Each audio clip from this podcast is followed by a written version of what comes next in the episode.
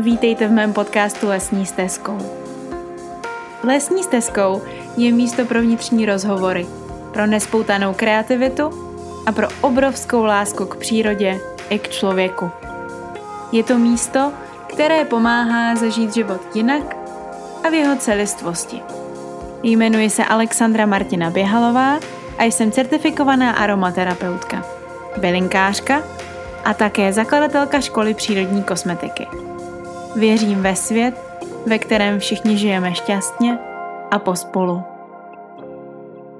Ahoj, jmenuji se Alex a vítám vás na tomto kanále, kam každý pátek přidávám další videa týkající se zdravého životního stylu, přírodní kosmetiky, aromaterapie a fitoterapie. Videa jsou zejména o tom, jak docílit zdravé a zářivé pokožky a zdravého těla a zdravého ducha. Pokud se vám toto video bude líbit, poprosím vás o sledování mého kanálu. Zůstanete tak v obraze a budete dostávat pravidelnou dávku informací o přírodní kosmetice, aromaterapii a fitoterapii a také o tom, jak docílit zdravého těla. No a o čem je toto konkrétní video? Toto konkrétní video jsem nazvala Kosmetické produkty pro miminko. Na mém blogu také najdete článek, který jsem psala s Kristýnou Zemánkovou, porodní asistentkou a jmenuje se Kosmetická přípravka na miminko. Tam to najdete všechno také tak jako zhuštěné. Ve videu je to samozřejmě takové jako natažené a okecávací, což ale může být výhoda, protože vám ke každému tomu produktu řeknu samozřejmě nějakého vlastnosti. Na začátek ale vnímám, že je velmi důležité říct, že často máme pocit, že na toho miminko si musíme chystat obrovské množství produktů. Já si osobně myslím, jakožto takový jako aromaterapeutický minimalista, že méně je často mnohem víc, protože opravdu to miminko nepotřebuje za stolik produktů, těch situací, které může nastat pár je, ale dokážeme je ošéfit mnohdy jenom těmi několika produkty, o kterých tady budu dneska mluvit. Co je ovšem pro mě osobně velmi podstatné a myslím si, že i pro mnoho z vás, proto na tomto kanále jste, tak je kvalita ingrediencí. Kvalita jednotlivých ingrediencí a kvalita jednotlivých produktů. Ty ingredience podle mě by měly být v biokvalitě. To znamená, měly by být opravdu certifikované bio, aby to miminko opravdu dostávalo to nejlepší.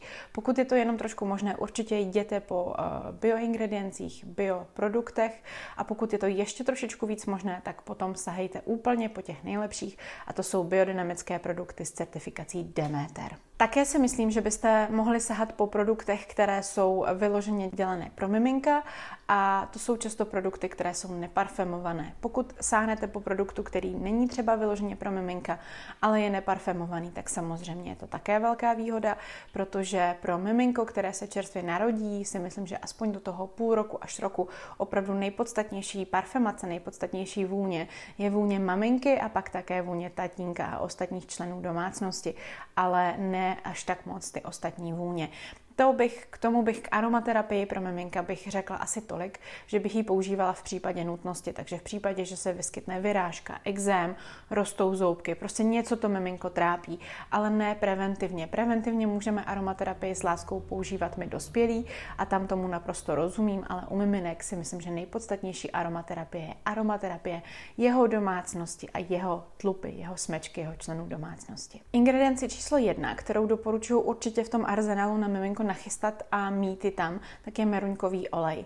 Meruňkový olej je takový jako krásný miminkovský olej, je velmi tak akorát viskózní, velmi příjemně viskózní, dobře se s ním pracuje, dobře se tím masíruje tím olejem, dobře se přidává do různých koupelí, do vaničky.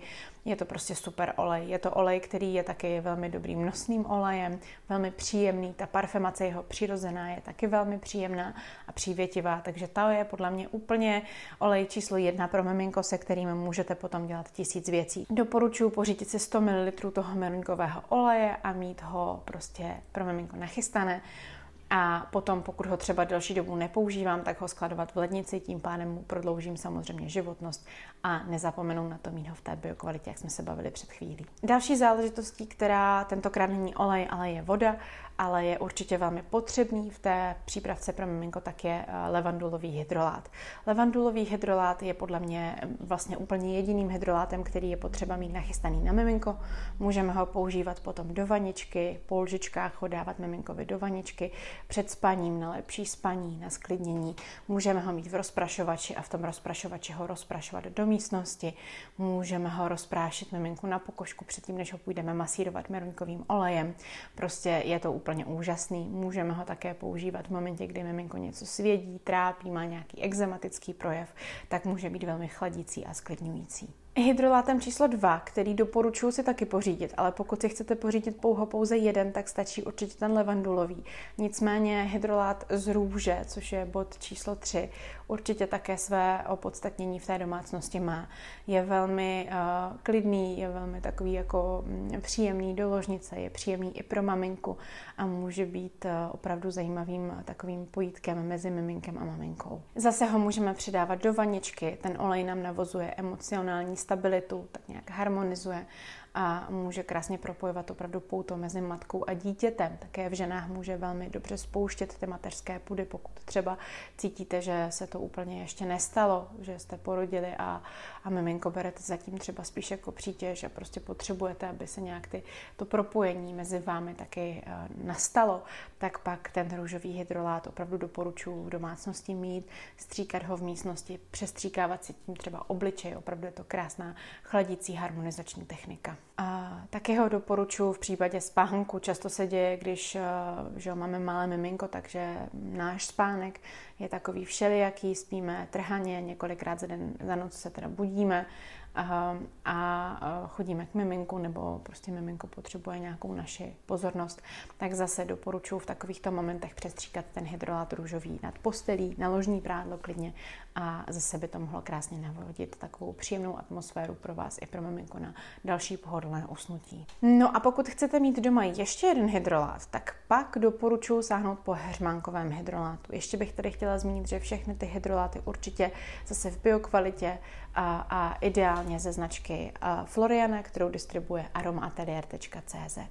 Heřmánkový hydrolát je hydrolát, který je velmi hojivý, velmi nápomocný, pomáhá v situacích, které nejsou příjemné, pomáhá při různém bolení, odbolení bříška, při růstu zoubků, prostě může být nápomocný opravdu v různých, různých aspektech toho maminko, miminkovského života.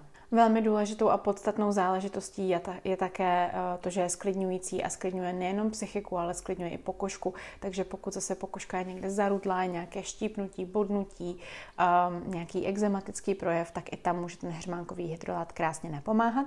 A velmi důležité je také uvědomit si, že ten levandulový, růžový a hřmánkový hydrolát, který jsem zmínila, můžete smíchat i do jedné lahvičky. Doporučuji vzít si třeba 50 ml malou lahvičku a dát tam od každého toho hydrolátu trošku pak to protřepat a používat takhle v kombinaci. Bude to velmi příjemné pro vás i pro miminko a pro různé situace. Hydroláty obecně u toho miminkovského života jsou velmi podstatné a krásně nám provoní domácnost jemně a tak, jak to miminkovi nevadí. No a poslední záležitost do tady té naší minimalistické výbavičky, kterou velmi doporučuji, tak je zinková mast. Samozřejmě můžete si sehnat zinkovou mast z lékárny, to úplně ale nedoporučuji, protože často ty základy, ve kterém uh, ta zinková mast je vytvořena, tak nejsou úplně um, takové, jak bych si z přírodního hlediska představovala, ale třeba výbornou zinkovou mast má spousta přírodních značek. Myslím si, že zinkovou mast, jestli se nemýlím, má i Purity Vision, velmi dobrou v bambuckém másle a je to úplně úžasná záležitost. Ta zinková mast nám může pomoct na různé exematické projevy, opruzeniny a záležitosti klasicky, prostě, které se týkají miminek. Samozřejmě i na naši dospělou kůži využijete tu mast v domácí lékárničce pro všechny členy domácnosti. A samozřejmě všechny problémy týkající se takzvaného tématu pod plenkou. Tak, vidíte, že to není nic složitého, zároveň mě na tom baví na této kosmetické výbavičce, že je vlastně velmi minimalistická, že vám nezabere doma moc místa, že je všestraná, že dokáže zařídit spoustu věcí najednou a že vás nebude stát Myland. No, takže já si myslím, že to je úplně skvělé tady tohleto mít doma a takhle o miminko přírodně pečovat. Pokud vás každopádně zajímají další eh, typy a triky eh, s přírodní kosmetikou, s aromaterapií a s fitoterapií, pak vás ráda uvítám v online škole přírodní kosmetiky, kde se toho dozvíte mnohem víc. A příští pátek se taky těším tady na YouTube v dalším videu. Mějte se zatím krásně. Ahoj. Děkuji, že jste se se mnou vydali lesní stezkou. Jmenuji se Alexandra Martina Běhalová a nový podcast vychází každý pátek. Pokud se vám líbilo to, co jste slyšeli, nebo znáte někoho, komu by procházka lesní stezkou udělala radost, sdílejte to s ním. A pro pravidelné toulání lesní stezkou můžete tento podcast odebírat na všech dostupných médiích. Přeji vám nádherné a voňavé dny.